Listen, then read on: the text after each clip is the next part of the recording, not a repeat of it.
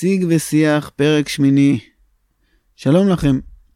היום הייתה לנו הזכות לשוחח ולהיפגש עם אדם שהוא אמנם לא רב, אבל uh, פעילותו התורנית והציבורית ענפה ביותר. משה ניסים. השיחה איתו נסובה בעיקר על אביו, הרב יצחק ניסים, שהיה הראשון לציון, וגם הקים את יד הרב ניסים, המקום שבו אנחנו מקליטים. והמקום שבו הרב אברהם ואני לומדים בבית מדרש שערי ציון לרבני ערים. הייתה לנו שיחה מרתקת. משה חשף אותנו לעולמו המרשים של אביו, עולם של לימוד תורה, של עשייה תורנית וציבורית וציונית, חינוך והנהגה. הרב ניסים היה בקשר עם uh, ראשי מדינת ישראל ופעל בשנים הראשונות. הוא אמנם לא היה הרב הראשי הראשון, אבל הוא ליווה את מדינת ישראל בשנותיה הראשונות, והיה בצמתים מיוחדים מאוד. משה עצמו אדם מרשים אה, שנושק לגיל שיחה. אה, הוא מגיע לכאן, אנחנו רואים אותו ביד הרב ניסים בוקר בוקר, הוא מגיע לפה בשעה מוקדמת מאוד ללימוד דף יומי ולתפילה. בשני וחמישי הוא קורא בתורה. אה, גם פוליטית, הוא היה כמובן שר האוצר ושר המשפטים ואיש פוליטי, והיום עדיין הוא פעיל ומעורב מאוד, ומרשים לראות את זה. אה, אין לנו אלא להתפלל שהשם יאריך את ימיו בטוב ושנותיו בנעימים. עוד ינובון בשיבה דשנים ורעננים יהיו. שיחה איתו באמת הייתה מרתקת, וזה כבוד גדול וזכות להיפגש איתו ולשוחח איתו על הרבנות ועל אביו ועל אה, נושאים וסיפורים מרתקים וחשובים ביותר. אז שיג ושיח, פרק שמיני, תהנו. שלום רבי אברהם. שלום הרב עקיבא. מה שלומך? ברוך השם. יופי, יש לנו היום אורח מיוחד, וזכות וכבוד גדול לארח אותו איתנו בשיחה. בגדול הוא מארח אותנו פה במקום, נכון. ועל זה בעצם אנחנו מדברים. נכון, אז האורח או המארח שלנו היום זה משה ניסים. שלום לך, משה. שלום וברכה. אתה פועלך רב שנים, היית שר האוצר ושר המשפטים וחבר כנסת, ואני אספר שגם היום פה ביד הרב ניסים אנחנו רואים אותך בבקרים מגיע השכם בבוקר ללימוד גמרא ותפילה וקריאת התורה. דף יומי. דף יומי. ואתה נוסע כל יום למשרד, לפגישות ולעבודה. איך, אה, תלמד אותנו את המתכון לאריכות ימים וכזאת אה, עוצמה. צריך לכל אדם להיות רצון. אם יש לו רצון, הרצון דוחף אותו לעשייה. אסור לישון על, על, הצ... על ה... כלומר, אסור לישון בלי לחשוב מחשבות ובלי לבצע אותן. אז ברוך השם, אני נכנסתי לכנסת בגיל 24, שירתי עשרות שנים בכנסת, 15 שנים בממשלה, ופרשתי מיוזמתי, משום שלא יכולתי עוד לשאת את האווירה של החיים הפוליטיים, היא כבר לא הייתה לרוחי מזמן. ומאז אתה עוסק בעצם בעריכת אני... דין. עוסק בעריכת דין. וגם עדיין איש ציבור שמגיע, מתייצב ב... אז אני רוצה אולי לפתוח בשאלה שקשורה באמת, אמרת שאתה לא, יכול, לא יכולת לשאת יותר את האווירה. אני לא מהראשונים שממהרים להגיד שהיום הכיתוב בעם מחמיר, אני לא, לא אוהב את הסופרלטיבים כן. שאומרים, קהלת אמר, אל תאמר מה היה שהימים הראשונים היו טובים מאלה, כי לא מחוכמה שאלת על זה. כן. בכל זאת, ההרגשה היא שמאז שקמה הממשלה האחרונה, יש פה איזושהי מלחמה. מצד אחד, האופוזיציה והשמאל שחרד לדמוקרטיה הישראלית, ומצד שני, שלטון הימין שהבטיח ורוצה אה, לבצע רפורמות משפטיות. יש לך איזה משהו להגיד באווירה, הביטוי ש, שאותי מפחיד, באמת מפחיד, ערכית. זה ביטוי ששומעים אותו מלחמת אחים. כן. מה, מה, יש לך מה להגיד לעם ישראל, לציבור, בעת הלא פשוטה הזאת? לצערי, אני חייב להשיב. אני אומר לצערי, מההמשך של הדברים יובן למה. אני חושב שאלה שמדברים היום דמוקרטיה, משני הצדדים נושאים את השם הזה לשווא. אלה שטוענים שכאילו סופה של דמוקרטיה, דיקטטורה וחורבן של אה, זכויות האדם וכל הדברים האלה, הם מגזימים, אבל כמו שאמרתי, נושאים את השם לשווא, שם של הדמוקרטיה. יש דבר אחד שכולנו צריכים לכבד ולקיים. תורת ישראל אומרת, ובאת אל השופט אשר יהיה בימים ההם. למה אומרים אשר יהיה בימים? באת אל השופט. תורת ישראל רצתה לומר לנו ואמרה לנו, אם אתם לא רוצים אנרכיה במדינה, אם אתם רוצים שהמדינה תתנהל בשכל ובשיקול דעת, אתם צריכים לבוא אל השופט, כל שופט, יהיה אשר יהיה, ובכל דור ודור. ועשית ככל אשר ירוך. לא תסור מן הדבר אשר יאמרו לך ימין ושמאל. ורש"י אומר, גם אם יגיד לך על ימין שמאל ועל שמאל ימין, אתה חייב לקיים ולכבד. מהי משמע? יש מערכת משפט בישראל. אני נגד זה שמדברים איתה, עליה, לפעמים בבוז, במילים בוטות, בסגנון שמעורר אפילו סלידה. נגד, צריך להחריב את בתי המשפט ואני לא יודע מה. גם אלה שמדברים קשות ובמילים בלתי נסבלות על בתי המשפט, שחייבים לכבד, על פי דין תורה, וגם אלה שמדברים סרה על אלה שרוצים אולי לחולל שינויים במערכת המשפט. צריך לכבד וצריך לקיים. זה צו של תורת ישראל. ו... אבל זה לא אומר שאסור לבקר, שאי אפשר גם להציע שינויים במערכת המשפט. מותר גם מותר, אבל תלוי איך עושים את זה. הצורה שזה נעשה היא צורה רחוקה מבינתי ונגד דעתי. אני רציתי שתקום ועדה ציבורית של חמישה, שבעה אישים דגולים. הממשלה צריכה להקים, לפנות עליהם, להכין מערכת שינויים, ב, ב, להכין הצעות, רעיונות לשינויים במערכת המשפט. כמו שאמרתי, ביקורת היא לא רק מותרת, היא נחוצה, ויש מה לבקר. הוועדה הזו צריכה להיות מורכבת גם פרופסורים מהשמאל, ויש לא מעט, שאין לחשוש מדעותיהם, ודי למבין. והיא הייתה מגישה מערכת של הצעות, והממשלה הייתה אומרת, אנחנו באים ליישם את מה שהמליצו בפנינו, אישים דגולים.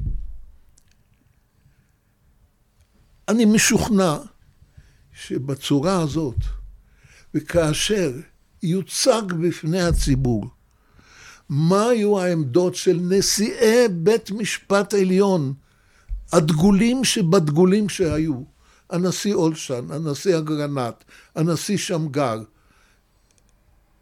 ועוד מספר גדול של נשיאים ושופטים של בית המשפט העליון, מה דעתם על מה שהנשיא ברק חולל בבית המשפט העליון,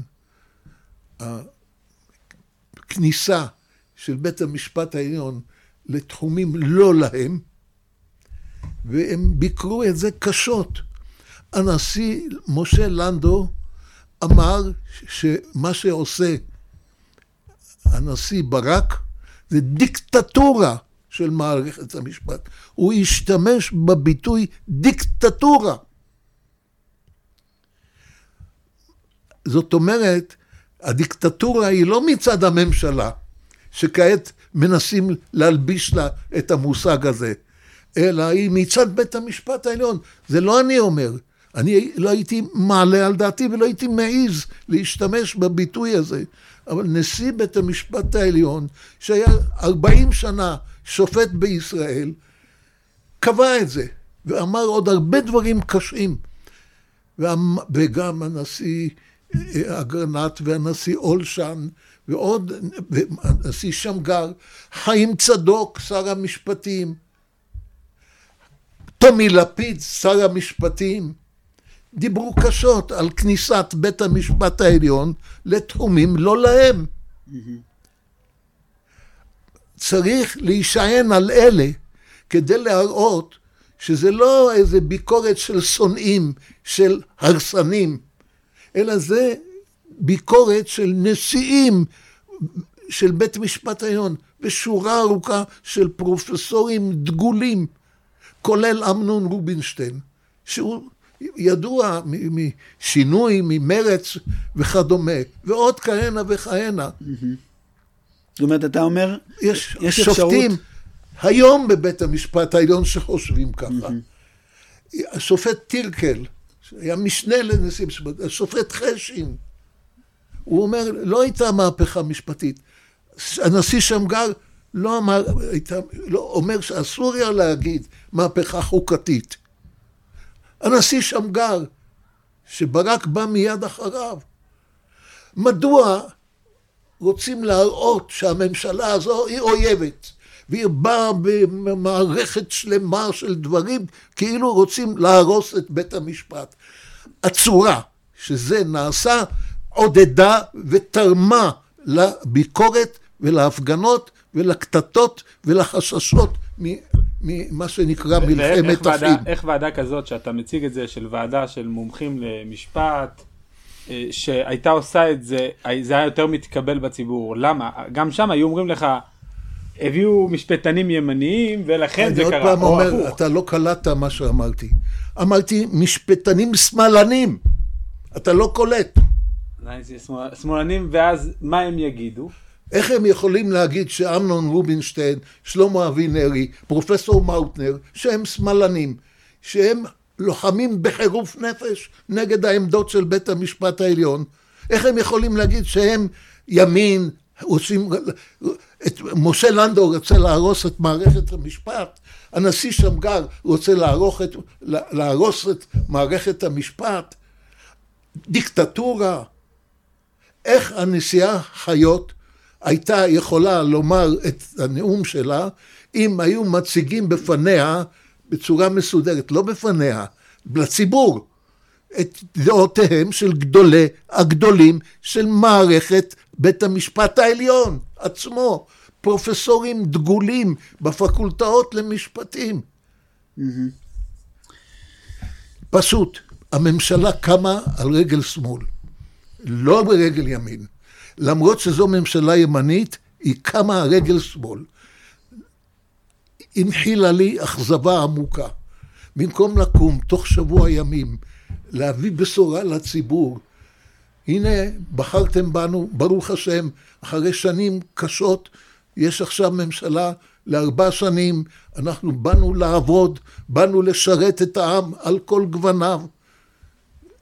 לא שמאל ולא ימין, אלא על עם ישראל כולו, ולאחינו שבתפוצות וכדומה, ואנחנו מתחילים לעבוד, ובמקום זה נכנסו לדברים אידיוטיים, קטנים, מבישים, בתחרות על תיקים, חלוקת תיקים מבישה, מעוררת סלידה.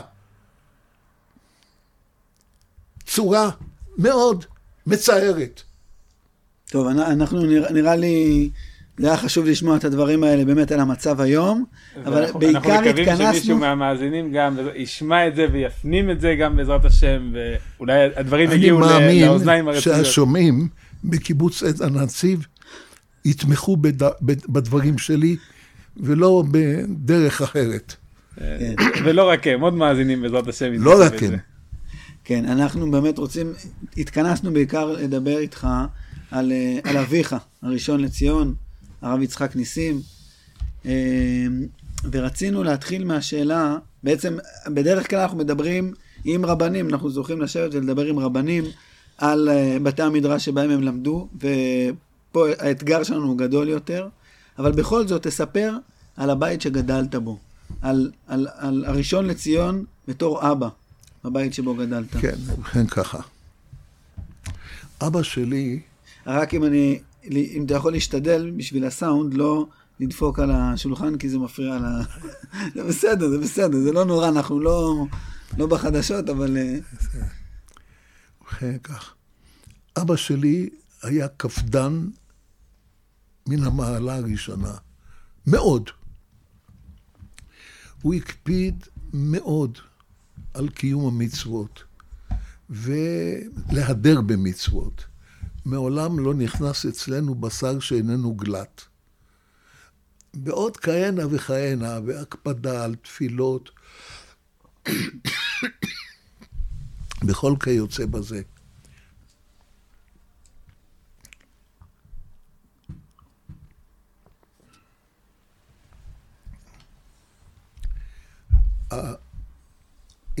ההנהגה של אבא בבית הייתה מקפידה ביותר. חינוך, לימוד, שעות תפילה, ואין צורך לומר הדרכה של חיים. הוא היה נותן לנו שיחות על החשיבות, על האמונה, על כל המערכת היהודית, נקרא לזה, המורשת היהודית.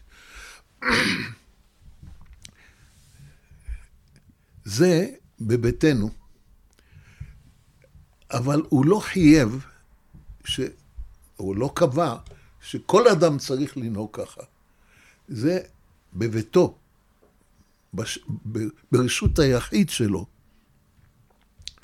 ולכן, כאשר הוא נבחר לרב ראשי, ההשקפה שלו הייתה לקרב. אי אפשר לקרב במהלכים או בעמדות ודעות קיצוניות. אתה אפילו עלול להרחיק. לכן, הוא חשב איך מקרבים, שמדברים בצורה נאה אל הציבור, בעברית טובה,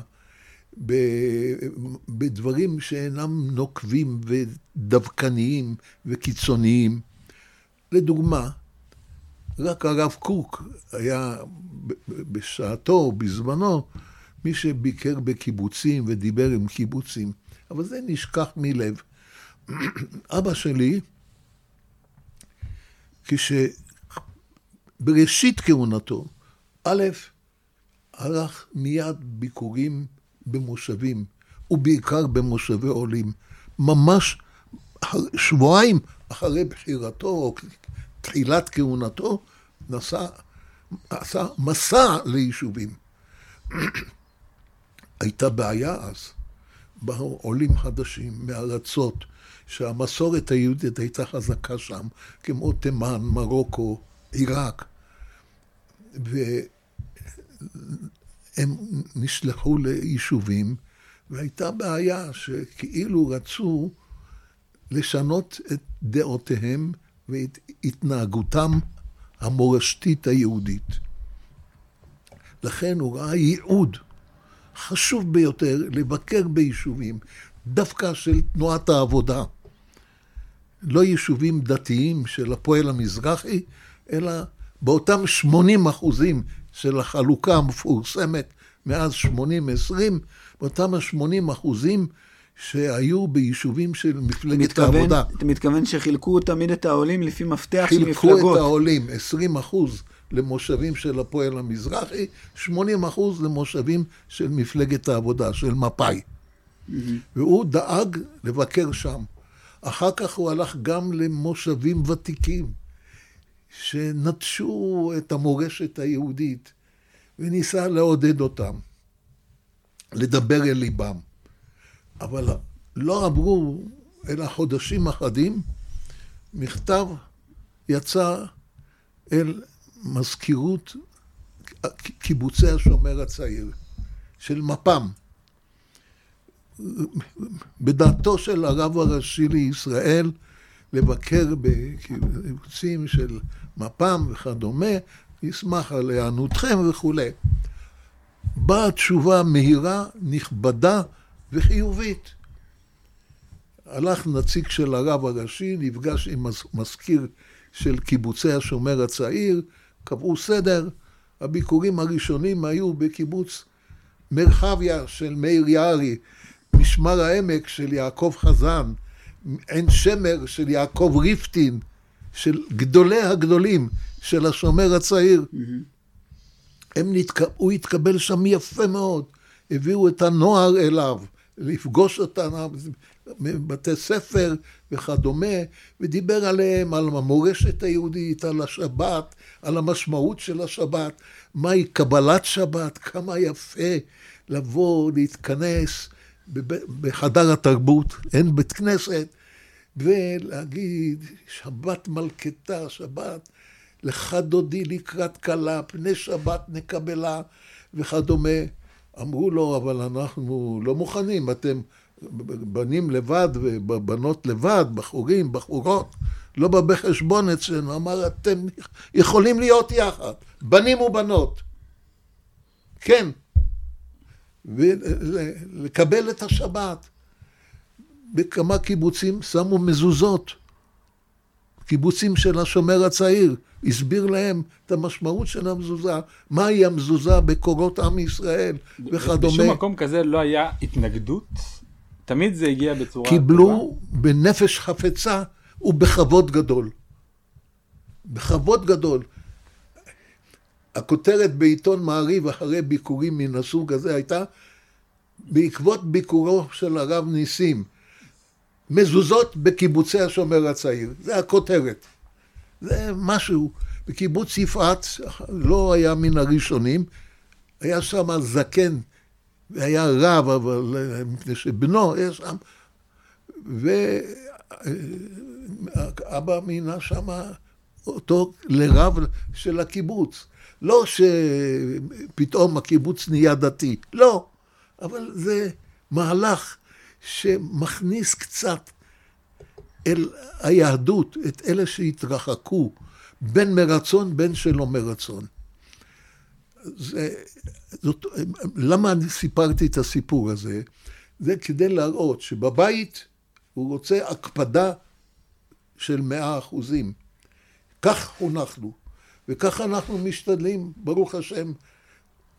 המור... השבט שלו לא היו נטישות. תודה לאל. עד היום. בעזרת השם נקווה לאורך ימים. אבל כשהוא מופיע ציבור לא, לא דתי, הוא לא צריך להראות דברים, לומר דברים קיצוניים,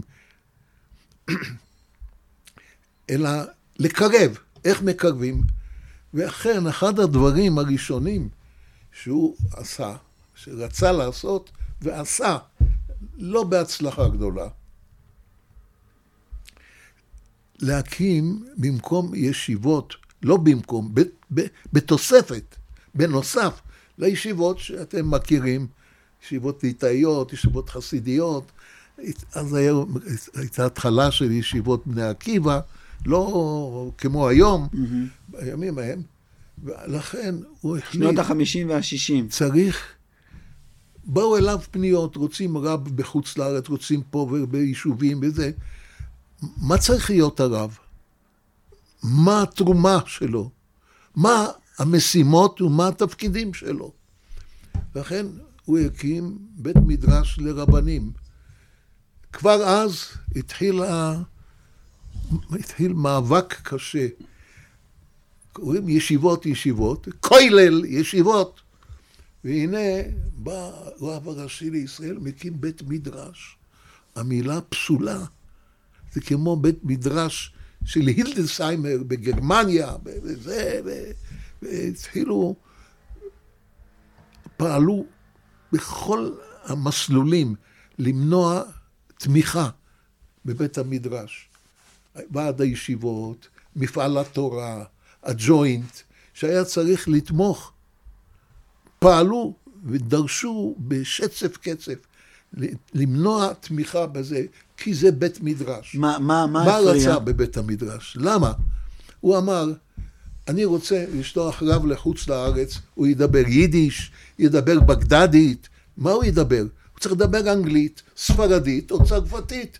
רק צריך להזכיר- ללמד בבית המדרש שפה, בלי בושה, בלי לחשוש. רק נזכיר, לימים מבית המדרש הזה, כאן, שאנחנו נמצאים יד הרב ניסים, צמח גם הרב הראשי הרב מרדכי אליהו שהיה נכון. פה, וגם הרב עזרא אה, בצרי, בצרי, גם כן, וגם הרב משה תופיק, כן, גם כן, כל אלה למדו פה, צמחו. אז אמר. שילמדו תנ"ך גם. מה זה שרב לא יודע תנ"ך? בישיבות לא לומדים תנ"ך, ואתם יודעים, לא לומדים פוסקים.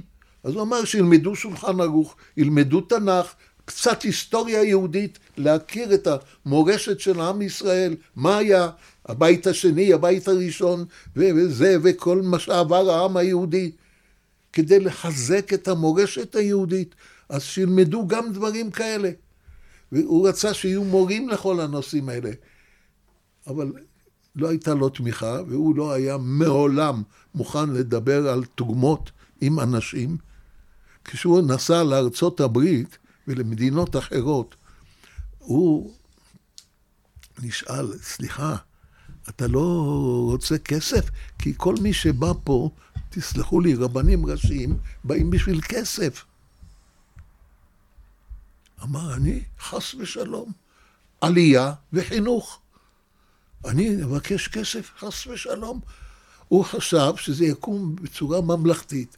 הסוכנות היהודית, התנועה הציונית, הג'וינט, גופים ציבוריים, שלא צריך לדבר עליהם במושגים של תרומות, של אה, כמה שילינגים או אני יודע מה.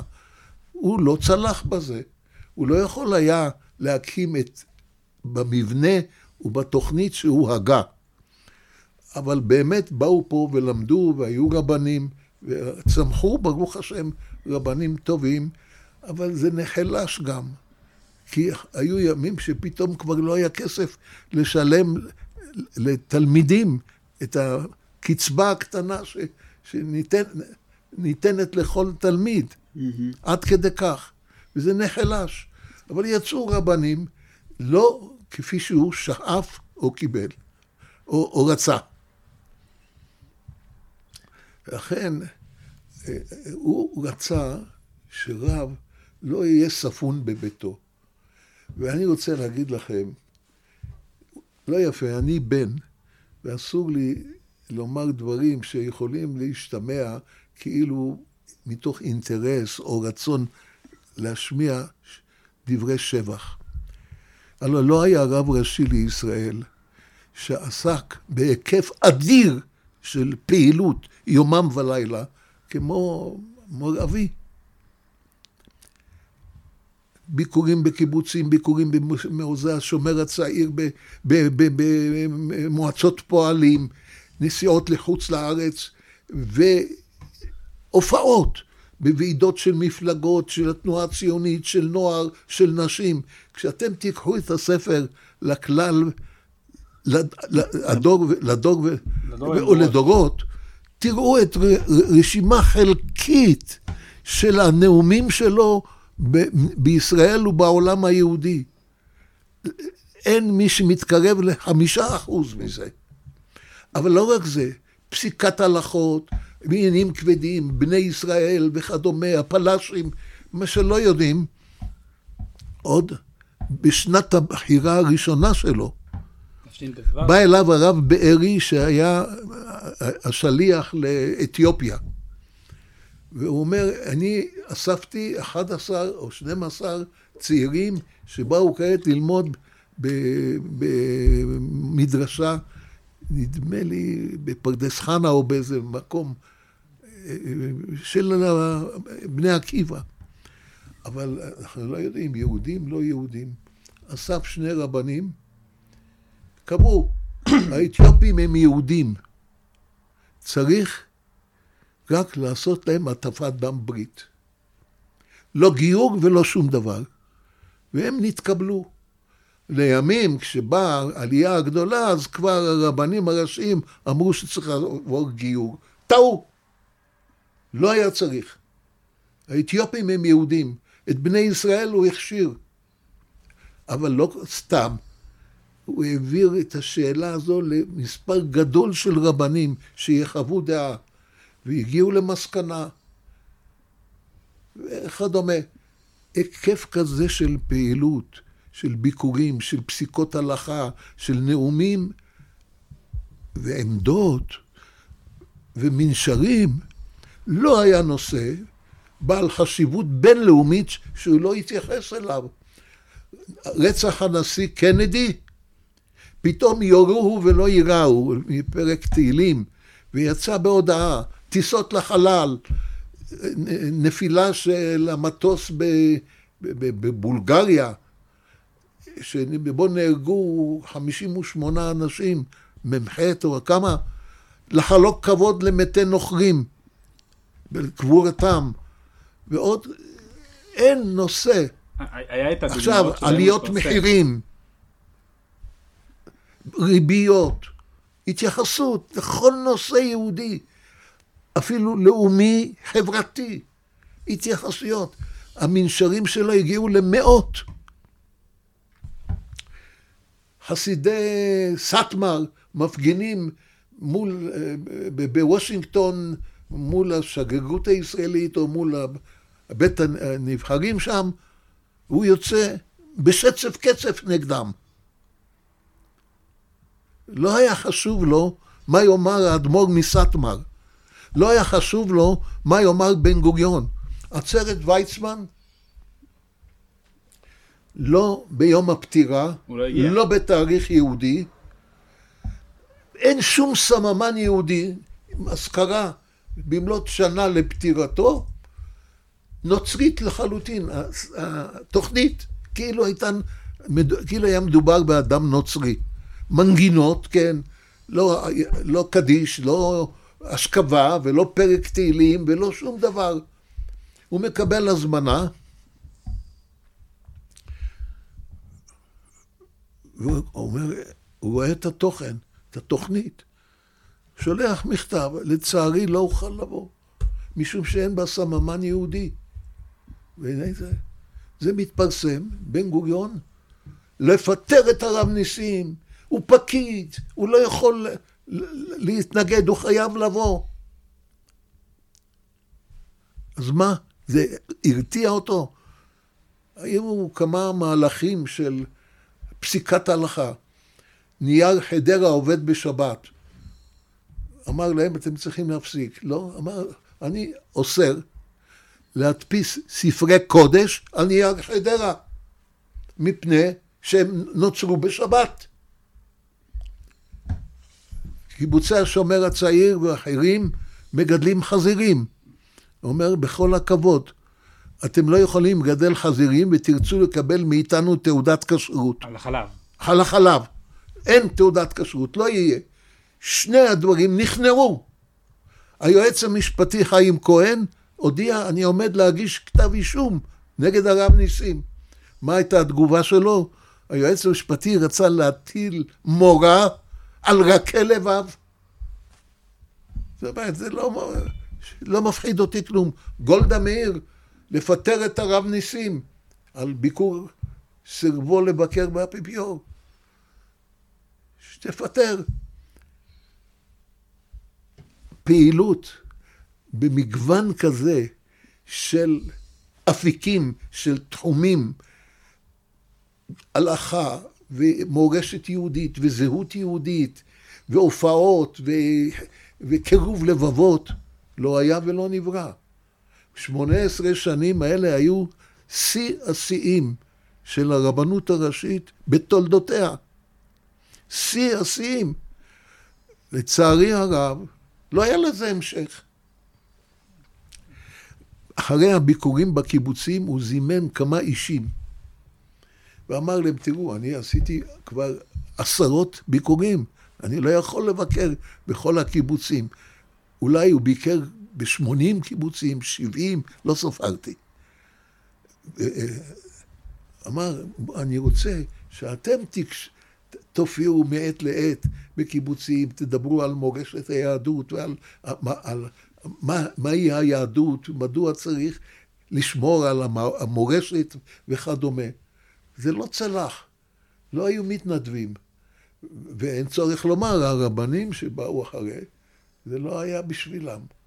הם לא חשבו על האפיקים האלה. הם חשבו על פסיקות הלכה, על כל מיני דברים שאני מכבד, אבל לא בהיקף ולא בתרומה האדירה הזאת אל הציבור. עורך עיתון הארץ בירושלים, הירושלמי, כתב מאמר הרב ניסים וההתעוררות הדתית. שם המאמר, המאמר. בבית הכנסת ישורון, בה הוא, הוא היה אדם חצי מסורתי, לא הארץ של היום, שכולם כופרים. בבית הכנסת ישורון בירושלים באו השנה הרבה יותר מתפללים, שנשאלו, מדוע? מה קרה? אמרו, הרב ניסים. כותב את זה עיתון הארץ. Mm-hmm. למה? מפני שראו בהתנהלות שלו, בקירוב הלבבות, בזה שהוא רב של כלל ישראל. אני נוהג לקרוא לזה ככה. הרבנות הראשית, לצערי הרב, יש לה אוריינטציה על היהדות הדתית. לאבא שלי הייתה אוריינטציה על היהדות. וזה מה שהוא רצה. כשאתם יושבים פה עכשיו בבית המדרש שלכם, הוא המשך של המורשת שלו. הוא רצה שרבנים, רבני ערים, יהיו בעלי יכולת של שיג ושיח עם הציבור, שבעלי יכולת לקרב לבבות. ועכשיו אני מקווה, יעלה גם בידינו להרחיב את זה עוד יותר, ונוכל לתרום תרומה גדולה להאדרת מורשת היהדות. בעזרת השם. אה, הזכרת מקודם, דיברת על הפעולות של אה, אביך הרב הראשי עם, עם, אה, בכל מיני נושאים של הרבנות הראשית שעוררו זעם של היועצת המשפטית או דברים כאלה. כן. אחת הדוגמאות זה הדוגמה של הכשרות על החלב וזאת שאלה מעשית זאת אומרת יש מחלבה המחלבה עצמה היא בסדר אבל בקיבוץ מגדלים חזירים ואז הרב הראשי אומר אני אשתמש בסמכות שלי ואני לא אתן לכם כשרות אם אתם עושים נגד ההלכה מגדלים חזירים בארץ ישראל. כן. זאת, היום זאת פעולה לא חוקית. זאת אומרת, היום היועצת המשפטית באמת תנסה להעמיד לדין רב שיעשה את זה. זה העניין. האבא שלך לא פחד, אבל לא מה תגיד היום לרבנים? לא תגורו מפני איש. הוא האמין, אם הם מגדלים קיבוצים אפשר לסמוך עליהם. מי שמוכן לגדל חזירים, אתם צריכים להבין, החזיר והחמור והארנבת והסוס הם באותו, באותה רמה של איסור. אבל החזיר הפך להיות לסמל בעם ישראל. הוא היה הסמל של האיבה לעם ישראל, של השנאה לעם ישראל. זה סוג אחר, באותה רמה של כולם, אבל עם שם אחר, מהות אחרת. ומי שמוכן לגדל חזירים עם כל המשתמע מזה, הוא לא נאמן בדעת, לדעתו גם ב, ב, ב, בחליבת הפרות. ולכן הוא אמר לא, כמו שעל פי ספרי קודש, על נייר שנתפס בשבת, איך יעלה על הדעת? לכן היועץ המשפטי רצה להגיש כתב אישום. אגב, אותו יועץ משפטי, חיים כהן, היה מעריץ גדול של אבא, הוא היה בא אליו, והוא ראה בו אדם פיקח מן המעלה הראשונה, והיה מדבר על זה, אבל הוא לא שלל אפשרות גם להגיש כתב אישום נגדו. ידיד גדול, היה בא, מתייעץ. כן, הבית של אה, אביך באמת היה מקום מפגש להרבה אנשים. שלא נברא דוגמתו. אגב, הוא תספר לנו על זה. הוא קיבל, אה, אצלנו קידוש. קידוש זה לא בשביל לבוא לשתות מעט יין ואיזה קצת בוטנים ועוגייה וללכת הביתה. קידוש זה שיחות. היו באים קבוצות מישראל, נוער ולא נוער, מתפללי בתי כנסת, בבית הכנסת ישורון היו באים כמה פעמים בשנה וכדומה, אבל היו באים בעיקר מחוץ לארץ. הוא היה מקבל ברוח טובה רפורמים, קונסרבטיבים. כמה קונסרבטיבים היה, היו מבאי ביתו כל שבת. כל שבת היו באים. והוא קיבל אותם, והוא כמובן דיבר עליהם מה שצריך, מה שהוא חושב. הוא לא שלל את השיג ושיח איתם. הרפורמים והקונסרבטיבים הרבו להיכנס אצלו. האם זה לא, לא הרחיק אותו מ, ולא לא עורר עליו ביקורת ולא הרחיק אותו מגדולי ישראל ומרבנים? אז ככה, יכול להיות שכן. אני לא אגיד כולם, אבל בסך הכל, אתם צריכים לדעת, לפני שאבא שלי היה רב ראשי, כל הרבנים גדולי ישראל, הוא היה כמעט בלתי ידוע. הוא לא היה רב ראשי, לא חלם ולא רצה לקבל תפקיד רבני, בשום פנים. וגם איך שהוא נכנס לתפקיד הראשון שלו, זה סיפור בפני עצמו. אני אשמח שתספר. אותו תכף. אבל הרב פרנק, הרב של ירושלים. הרב ולקובסקי, הרב ראם, הרב עוזיאל, הרב חזקיה שבתאי, הרב כהנקה, הרב סוגנגה, הרב אה, יוסף הלוי, שאתם, אני לא יודע אם אתם מכירים אותם, גדולי הלוי. ישראל, הגדולים שבגדולים, היו באים אליו, לא הוא הלך אליהם. הרב פרנק היה בא. כשהוא עוד היה צעיר לימים, יושבים ולומדים. זאת אומרת, ועכשיו הראה לי יהודי יקר מכתב שחתום עליו הרב פרנק, הרב זרהן, הרב הראשי של טבריה, והרב חזקיה שבתאי, הרב הראשי של ירושלים. כי איזה עיתון המודיע דיבר עליו דברים לא טובים. בש... ארבע שנים לפני בחירתו לרב ראשי. איך שהם תוקפים את עיתון המודיע. לא תבושו ולא תיכלמו. אתם יודעים מי זה הרב ניסים? היה לו קשר עם החפץ חיים. כן, היה לו קשר עם גדולי ישראל. ראינו לפני השיחה מכתב שהוא כתב לחפץ חיים, כן. ושאל אותו אם הוא מתכוון לכתוב משנה ברורה על יורה דעה. והחפץ חיים עונה לו בתשובה, זה כן. נתפס בהתחלה, בתחילת היו הספר. חילופי מכתבים. מה קרה? איך, איך זה פתאום חפץ חיים? אגב, אני נשאתי נאום בכנסת במלאת 150 שנה ללידתו של החפץ חיים. עוד הייתי בכנסת, חבר, הייתי שר, שר התעשייה והמסחר. ביקשו ממני, אני מאוד ממליץ שתקראו את זה. אני חושב שזה הנאום שלי כל חיי. וואו. מי היה החפץ חיים? איך הוצג? איזה תגובות קיבלתי מכל גווני הקשת. מצד אחד הרב פרוש, האבא של מאיר פרוש, מצד שני הפרופסור שקי, שהיה שר, ואחרים, והדוקטור בורג וזה. איזה מילים אמרו על הנאום הזה. וזה, ציטטתי גם מה שכותב הרב החפץ חיים לאבא בספר שלו. הוא אומר לו, אני לא יכול לתת הסכמה. כותב לו, הרב המאור הגדול.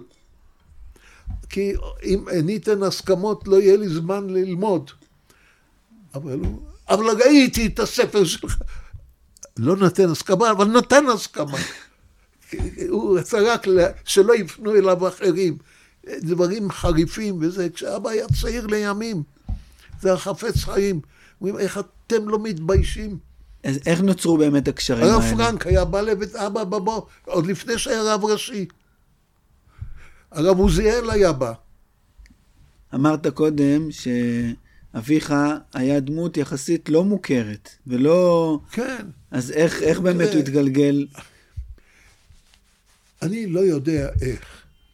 בעיתון שערי ציון שהיה יוצא פעם, או שם אחר, כתבו, עלה לארץ הרב הצעיר, רבי יצחק ניסים, שהיה ער לציון ומקראיה והוא רב חשוב, וכעת, טוב, אה, זה, שעלה, בירכו על זה. אז רגע, בוא, בוא נלך רגע עוד זה- צעד אפילו זה- אחורה, זה בשנות זה ה-20, נכון? הרבה לפני קום המדינה. בשנות ה-20, שנות ה-20. כן. הוא גדל בבגדד, בעיראק, נכון? אבא עלה לארץ בגיל מאוד צעיר, עם אחיו, היה לו אח שקראו לו הרב יחזקאל עזרא. כן, היער, הגאון היה היער. עצי היער. נפטר ממש צעיר, בן 32 נפטר, אבל הוא היה גאון וגדול הדור. שלא נברא כמעט דוגמתו. בשמחת תורה בחברון, הרב חיים, הרב הראשי של חברון, הרב אה, חיים חזקיה מדיני, שדה חמד. שדה חמד. היו מרימים ספרי תורה, היה אומר להם, אתם מרימים ספרי תורה, אני מרים את התורה, כשהרים אותו. את התורה עצמה, עד כדי כך, מי שהיה ענק. אבל מה לעשות, הלך לעולמו. אז הוא חזר לבגדד, אחרי שעלה ארצה, בגיל צעיר מאוד, כדי ללמוד. למה? בבגדד היו תלמידי חכמים מופלגים, עצומים. הם היו בלי יהירות ובלי גאווה, בענווה, בצניעות, לומדי תורה לשמה, העמיקו והיו באמת גדולי עולם, ממש. לא, מתפרס, לא התפרסמו. היום תזכיר כמה שמות חוץ מהרב יוסף חיים, אולי גם הרב עבדאללה סומך, זבחי צדק. היום לא, לא יהיה מישהו שיבין מי הוא האיש הזה. אבל הוא הלך כדי ללמוד. ואז הוא הלך, הוא לא ישב בישיבה של צעירים בגילו, הוא ישב בישיבה של הרבנים הגדולים. בהתחלה הם תהו, מה עושה הצעיר הזה פה? אחר כך ראו שזה שווה. היו ויכוחים, הוא השתתף בוויכוחים. יום אחד דיברו על דבר הלכה, וזה אומר כך וזה אומר כך, והוא אומר כך. איך אתה, על מה אתה מבסס? לוקח ספר מהספרייה, מראה להם, הנה, אומר כך. לא שהוא ידע, זה היה אקראי.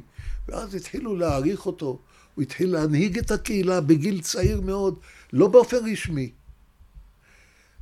אז מה קרה עם החפץ חיים?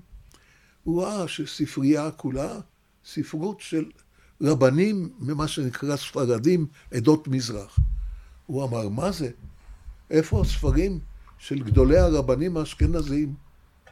מנחת חינוך ועוד כאלה. בבגדד, זה בגדד. לב- בבגדד. הוא אומר, זה לא מתקבל על הדעת. הוא שמע שיש אחד שקוראים לו החפץ חיים, שמסתובב בקהילות, מוכר ספרים. כן. הוא לא היה יכול מוכר את. הספרים של עצמו, כן. של עצמו. זה. אז הוא מיד השיג את הכתובת שלו, כתב לו מכתב. אני רוצה לקנות וזה, וכך התחיל הקשר, והוא הכניס את הספרות וואו. הרבנית האשכנזית לבגדד. כי הוא, גם לאבא שלי הייתה עמדה של מיזוג גלויות מושלם. הוא היה נגד הדתיות, לא אשכנזית ולא ספרדית. נגד מוחלט. הוא ראה עם יהודי. בשום פנים. הייתה איבה לא מעטה לאבא מצד ספרדים. כי הוא לא רצה לתת דגש לספרדיות. ועוד דבר, כשהייתה בעיה, באות תרומות מבגדד לישראל. למי לתת את התרומות? ליוצאי בבל? לספרדים? לכלל ישראל? היה ויכוח נוקב. הרבנים בגדד אמרו לתת לבגדדים, לת- לב- ליוצאי בבל בישראל. והתחיל ויכוח נורא, בלתי נפסק. הראש, הראשון לציון היה הרב יעקב מאיר, לפני הרב עוזיאל. פנה אל אבא, תכתוב, תבדוק את הסוגיה הזו ותכתוב. הוא כתב חוברת, קראו לה כנוגה צדקה, על הפסוק, עד יצא צדקי. צדקה, וזה יזרח. אני רוצה כנוגה צדקה והמשך. כנוגה, למה להוציא צדק? מה הוא פסק? הוא פסק שצריך לתת לכלל ישראל, לא ליוצאי בבל. לפי כל המקורות שהביא, וקיבל תמיכה מהרב יעקב מאיר, מהרב עוזיאל, מגדולי הגדולים של כל רבני ישראל. וגם רבני בגדד חזרו בהם. אז אחרי שהוא למד בבבל, הוא עלה לארץ כן. וחזר ולמד כן, בבבל. עכשיו, מה קרה? הוא נסע כדי ללמוד. אבא שלו כבר היה בישראל, גר. אבא שלו היה תלמיד חכם מובהק, אבל סוחר. איך קראו לו? רחמים. רחמים. שמו רחמים. יצחק ניסים מול הרחמים, זה כן, השם, כן, ככה היה חותם. בראבו, אני רואה שאתה בקיא. כן. אז עכשיו, כותב לו מכתב, אומר, בני היקר, אתה כבר למדת כמה שנים, והגיע הזמן, אתה צריך כעת לעבוד. אני שולח לך מאה מג'ידי, ואתה תסחר בזה ותעבוד, צריך לפרנס את עצמך וזה. הוא פונה לראש הישיבה, הרב שמעון אגסי, ענק.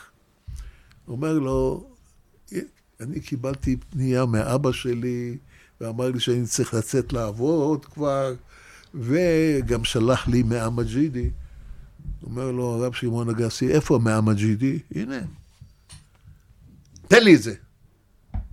תן לי את המאה מג'ידי. אתה תשב תלמד, אני אסחר לך. בכסף הזה, פתח פנקס. אתם צריכים לדעת שהרבנים שם לא קיבלו שכר מהציבור. היו לומדים עד הצהריים, אחרי הצהריים הולכים לעבוד כדי להתפרנס. עבדו, לא כמו שאנחנו מכירים היום. עבדו, ואז הוא אומר, פתח פנקס. היום עבדתי, מכרתי ככה, חכם ניסים. זה, זה, היום זה מכרתי, קניתי זה ומה זה, ונתן לו פנקס עם כל התוצאות. אבל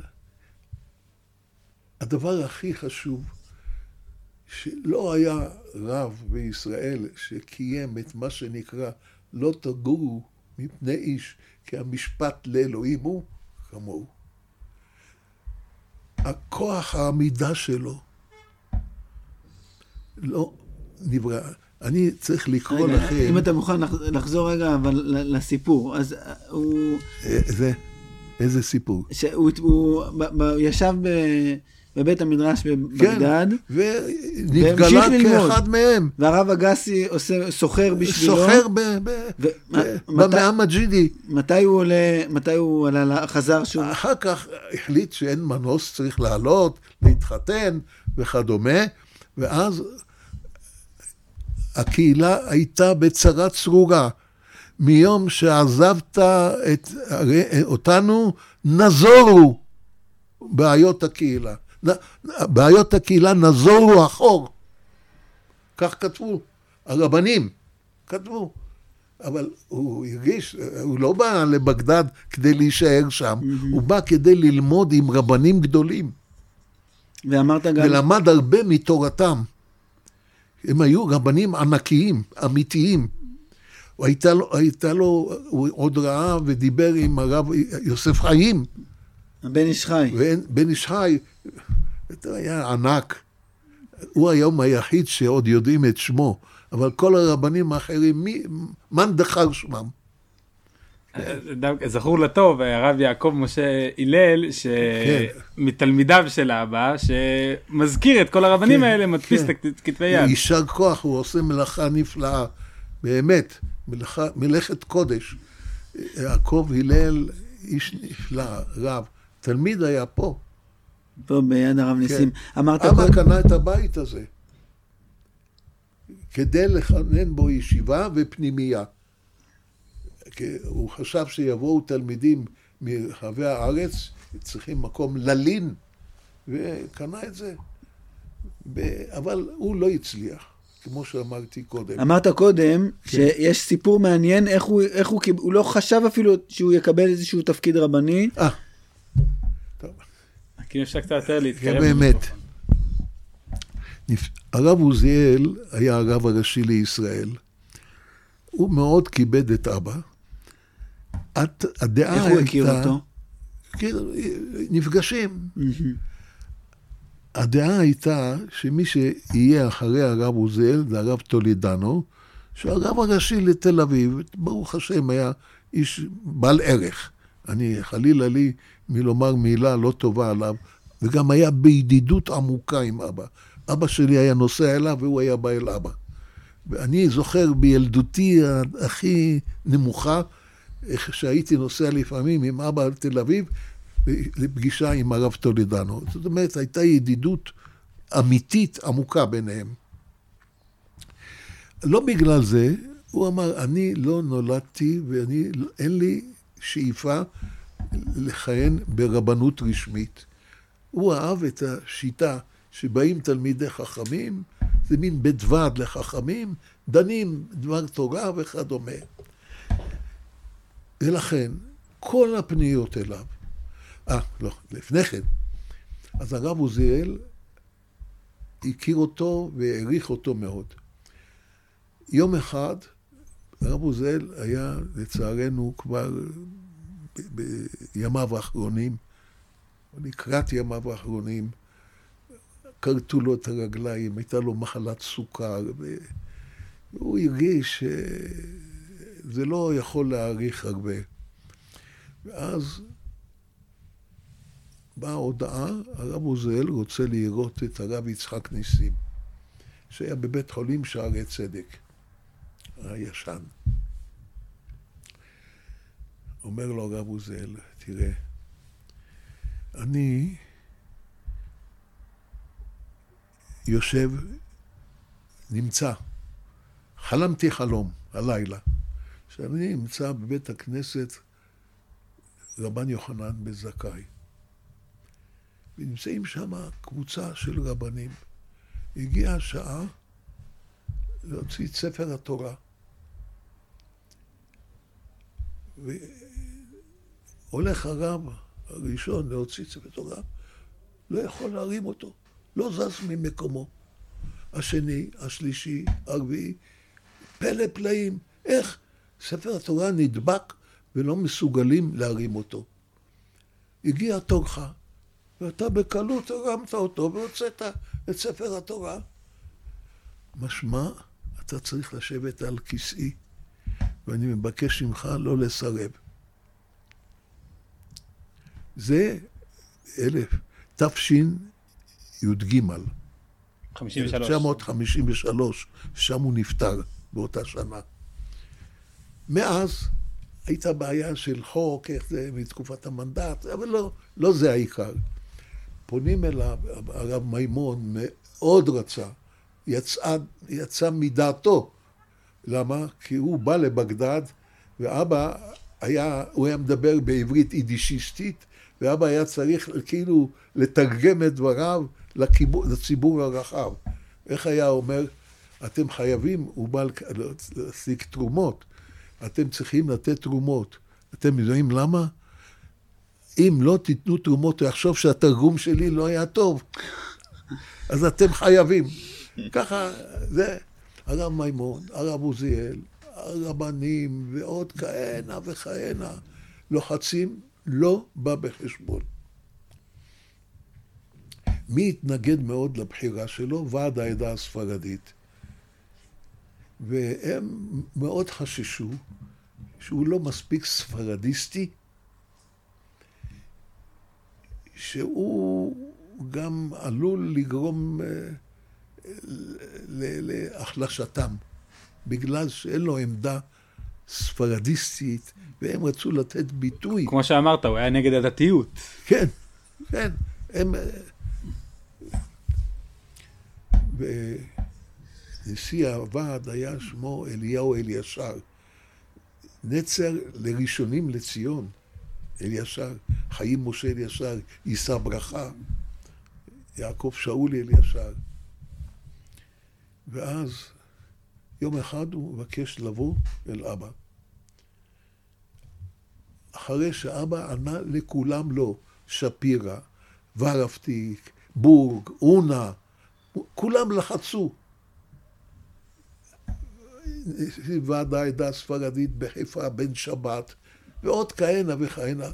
אומר, לא, שנתיים מ-53' עד שהיו הבחירות ב-55', הוא לכולם אומר לו, בא אליו, אומר לו אדון אלישר לאבא, אני פוקד עליך לא להיות מועמד. הוא חשש, והוא חשב שהוא נשיא העדה, יכול לתת גם פקודות. אומר לו אבא, אהה, אני מודיע לך, אתה יושב כעת אצל הראשון לציון. הודיע, אני מסכים. אלמלא אותו אלישר, הוא לא היה רב ראשי לישראל. לא היה נכנס לתפקיד. הוא הרגיש שזה כבר שליחות, שזה כבר חובה. אתה יושב עם הראשון לציון. נקודה. אז רק זה הביא אותו להסכמה. אבל אני צריך להגיד לכם, שיא השיאים, הדבר הכי רם ונישא, הכי חד, קטר, שישמר להיסטוריה היהודית. אין ספק. זה הנושא של ביקור האפיפיור.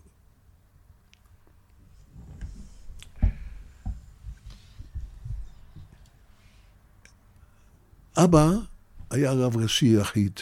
הרב הרצוג נפטר, וחמש שנים אבא היה רב ראשי יחיד עד שעשו בחירות חדשות. וזה היה נס. שמעו שהאפיפיור, פאולוס השישי, רוצה לעשות ביקור בפלסטינה, ומתכוון לעלות לקבר, מה שהם קוראים הקדוש. לכנסייה? מיד. ממשלת ישראל הזדעקה, חשבה שהנה באה גאולה לעולם. בטח הביקור הזה יוליד תמיכה של האפיפיור, הכרה של האפיפיור במדינת ישראל. ועוד הוא אמר שייכנס משער מנדלבוים, אז אולי ירושלים. יצאה מכליה הממשלה. הממשלה מינתה שניים, את אהוד אבריאל ואת טדי קולק, להכין את הביקור, להיערך לקראתו. מיד סללו את כביש הר ציון, ועוד כהנה וכהנה. ורצו לעשות לו קבלת פנים בשער מנדלבום, יוצאת מגדר, שלא נערכה דוגמתה. נשיא המדינה, יושב ראש הכנסת, נשיא בית המשפט העליון, ראש הממשלה, הרב הראשי לישראל, כל גדולי בעלי נושאי התפקידים של מדינת ישראל. טדי קולק ואהוד אבריאל באו אל אבא, אנחנו מבקשים שתואיל לבוא לכבד את האפיפיור בקבלת הפנים. אמר להם אבא, בסדר, אני לא מתנגד לבוא, אבל מקובל שאם בא נשיא למדינה... סליחה. אבל מקובל, כשנשיא מדינה בא לבקר, אז מיד נשיא המדינה בא לביקור גומלין אצל, אצל הנשיא של מדינת ישראל. זה אותו דבר צריך להיות. אני אלך לכבד אותו, הוא צריך לבוא לח... לבקר אצלי בלשכה.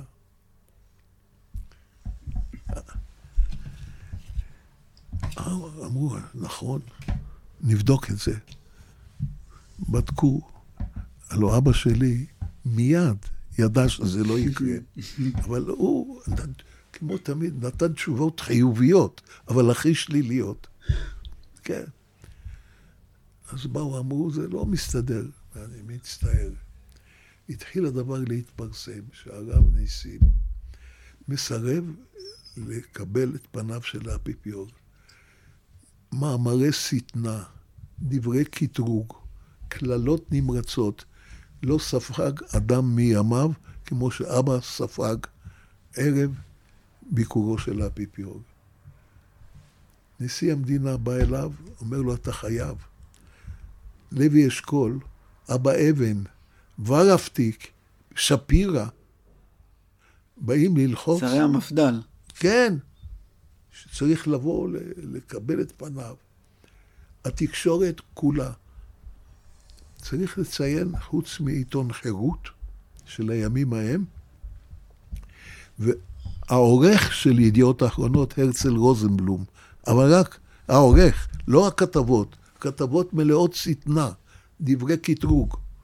גולדה מאיר מכריזה, נפטר את הרב ניסים מיד עם צאת האפיפיור. אפילו רבנים מחוץ לארץ פנו אל אבא ואמרו, אתה צריך לקבל. תסלח לי, תסלחו לי, רבנים ספרדים בעיקר, לא חשוב מי, וצריך לקבל אותו. והוא אומר, רבותיי, העם היהודי הוא רק כך 13 מיליון. הנצרות מיליארדים. אבל פה לא הגודל קובע. העם היהודי הנחיל לאנושות את התורה, מורשת, חוקים, משפטים, צדק, צדקה ומשפט. אני לא יכול להנמיך את המורשת היהודית ואת תורת ישראל, ולכן לא חשוב הגודל.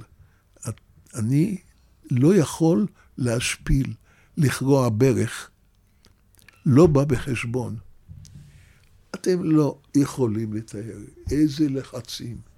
יום אחד אני בא, יוצא מהמשרד, פוגש אותי ראש הלשכה של אבא, הרב גוטליב. אומר לי, משה, אני לא יודע מאיפה הכוח הזה. איך אפשר מול כל הגל הזה לעמוד איתן במבצר? הוא ראה שלוחצים, גם כן, ב, בידיעה שזה לא יקרה, אבל כמו תמיד, טוב, יש לי רעיון, אני מוכן לבוא לקבל את פניו, שלא יבוא אליי, שיבוא ויעמוד דקה על יד אפר הקדושים בהר ציון. זה לא אצלי. אפר הקדושים, אתם יודעים, פיוס הכלב, הנבל, הארור, שהיה בזמן השואה, הוא שמח על השואה, לא הוציא מילה מהפה שלו להראות מה זה דת, זה אנושיות.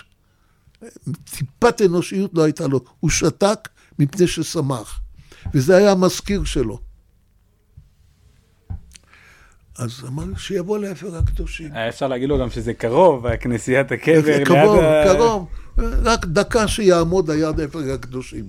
הלוא הוא ידע שהוא המזכיר של פיוס השנים עשר, הוא יודע מה היחס לשואה. אז אם יעמוד אפר הקדושים, זה כאילו איזה סימן, חס ושלום, של נסיגה, של, של עמדה אחרת. אבא ידע שזה יהיה שלילי לחלוטין, אבל רצה להראות שזה... והלחצים לא נפסקו. קללות וקטרוגים ואיומים בלי גבול. עמידה, ביום ביקורו, כניסתו של האפיפיור, אבא הוציא הודעה. שאני כעת לא זוכר את התוכן שלה, זה גם לא הדבר הכי חשוב, הודעה, מה הוא חושב. האפיפיור בא, אבל כבר ש... אמר, מה זה, אני אבוא ממעבר מנדלבום, זה ירושלים, מה י... יכולים לפרש את זה? לא, טוב. אני גם לא רוצה להיכנס משטח שבריבונות ישראלית. לכן מצאו מקום במגידו, במקום שהוא, אה, קוראים לו אה, שטח הפקר. שטח הפקר. זאת אומרת, הוא לא הסכים לא, לעבור מקום- במעבר רשמי של מדינת ישראל, לא רצה. כדי שלא... אז רק משטח הפקר, שזה היה ירדן וישראל, שטח הפקר. היה צריך להוציא אה, כל מיני ברזלים ומדקרות חרב וכל מיני דברים. מגיע היום, נשיא המדינה, נשיא המשפט העליון, גדולי ישראל, כולם היו, חוץ משניים, הרב ניסים, לא היה שם. וגם גולדה מאיר לא הייתה שם, כי היא נקעה את רגלה. והיא גם לא הייתה, לצערה הרב. אומרים, הנשיא שזר, ש- זכר צדיק לברכה בעיניי. הוא נשא נאום, קידש שם שמיים כפי שאני לא מכיר בנסיבות, בנסיבות כאלה. אתם ת, תסלחו לי אם אני אגיד את זה בצורה של חיקוי, כי שזר היה נואם מן המעלה, לא, היה, לא קם נואם טוב ממנו, חסיד חב"ד. כי כל העמים ילכו איש בשם אליו, ואנחנו נלך בשם השם אלוהינו לעולם ועד. קידוש השם כזה אני לא מכיר. מול האפיפיור. ואנחנו נלך בשם השם אלוהינו לעולם ועד. כל פעם שאני זוכר את זה, אני מקדש את זכרו של שזר. אז הוא עובר, בקושי אומר איזה מילה. סידרו לו בירושלים שהרב הראשי של ירושלים יקבל אותו בחלה ויין, כמו שמקבלים אישים. קיבל. הוא ממשיך וכל זה. יוצא. שום דבר לישראל. מברק למלך חוסיין. הוד רוממותו, המלך חוסיין של הרפובליקה ההמשמית, הירדנית, רבת עמון. שבחים. מה עושים עם ישראל? הנשיא שזר תל אביב, לא נשיא מדינת ישראל, לא ירושלים, הנשיא שזר תל אביב.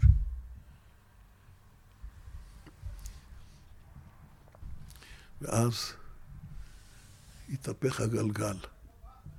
הכל ראו, הרב ניסים צדק, ואז ביקשו, למשל טדי קולק אמר, הרב ניסים צדק ואנחנו כשלנו.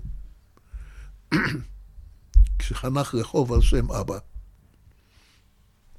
אולם, עיתון הארץ שהשמיץ וקטרג וכתב דברי שטנה שלא נבראו דוגמתם במאמר ראשי, כמו שביקורו של האפיפיור היה אירוע היסטורי, כך היה אירוע היסטורי התנגדותו של הרב ניסים לבקר, לקבל את פניו, שנתן ביטוי לעצמאותה של מדינת ישראל. וכולי. ומאז, אה, שכחתי להגיד, הדבר האחרון שבאו להגיד לו, תדע לך, הסירוב שלך יגרום לפוגרום בעם היהודי בארצות הקתוליות, ואתה תישא באחריות. אמר, על כתפיי. האחריות עליי. אנחנו לקראת סיום, רציתי לשאול אותך, אנחנו נמצאים ב... רק עוד מילה אחת. כן, בבקשה.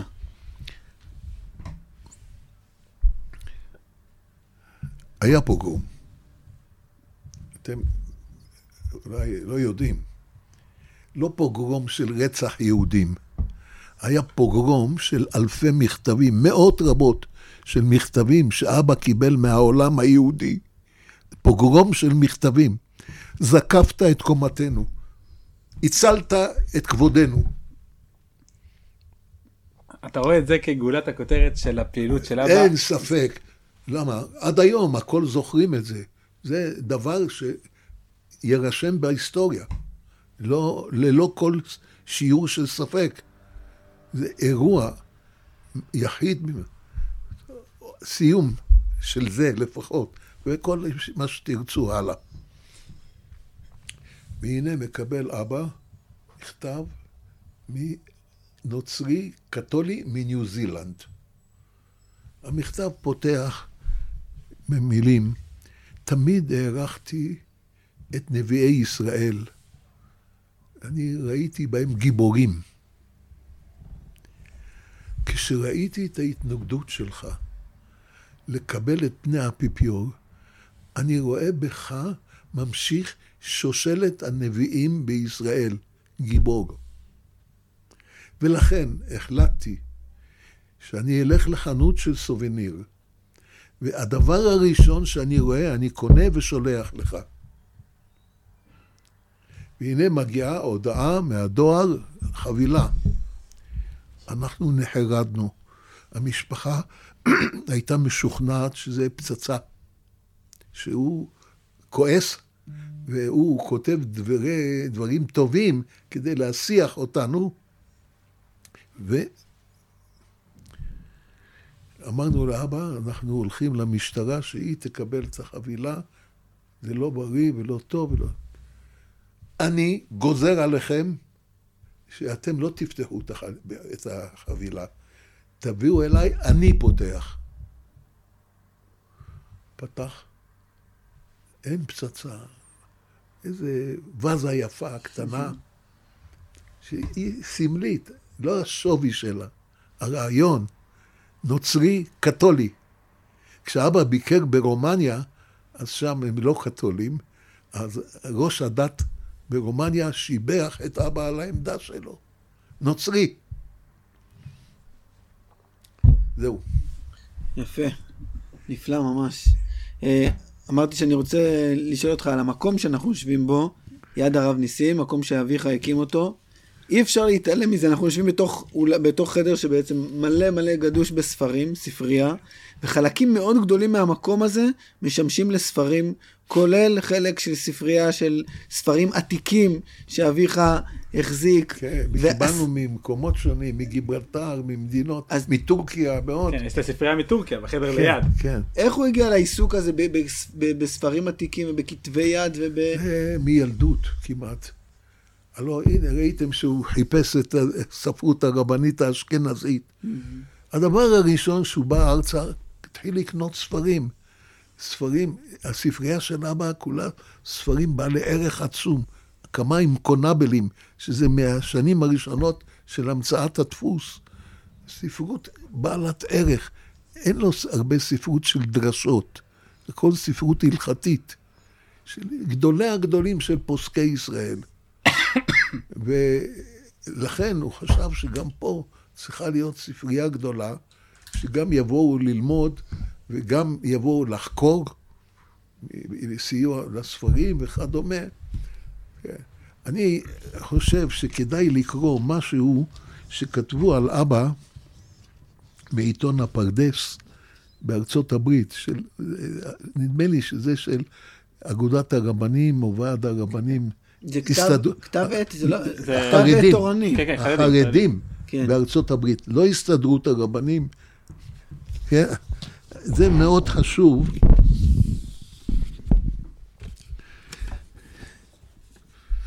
נעימה חדשה של אמיצות ועמידה הכניס הרב ניסים לתוך עבודתה של הרבנות הראשית, ואומנם הצליח הרב ניסים לרומם את הרבנות הראשית למסלול חדש ולרמה רוחנית חדשה. פרק חדש שהתחיל עם מינויו של הרב ניסים, וידע נא הרב ניסים שאין הוא בודד במערכה. כל היהדות העולמית, הדתית, עומדת לימינו, ולוחצת בנאמנות והוקרה רבתי, רבתי את ידו החזקה. הוא הצליח לרכוש לעצמו את אמונם של נאמני היהדות בארץ ישראל ואף מחוץ לארץ, הולך ונישא שמו הטוב, הנזכר בהערצה רבתית בפי כל. כזה צריך להיות רב בישראל. עוד משפט קטן, התנהגותו של הרב ניסים היא לאות ומופת, שום איומים לא יעילו, הרב ניסים ימשיך בדרכו, לא תגורו מפני איש. נפלא. אה, כן. אתה הקראת משהו אה, על אה, אביך, אני רוצה להקריא משהו קטן.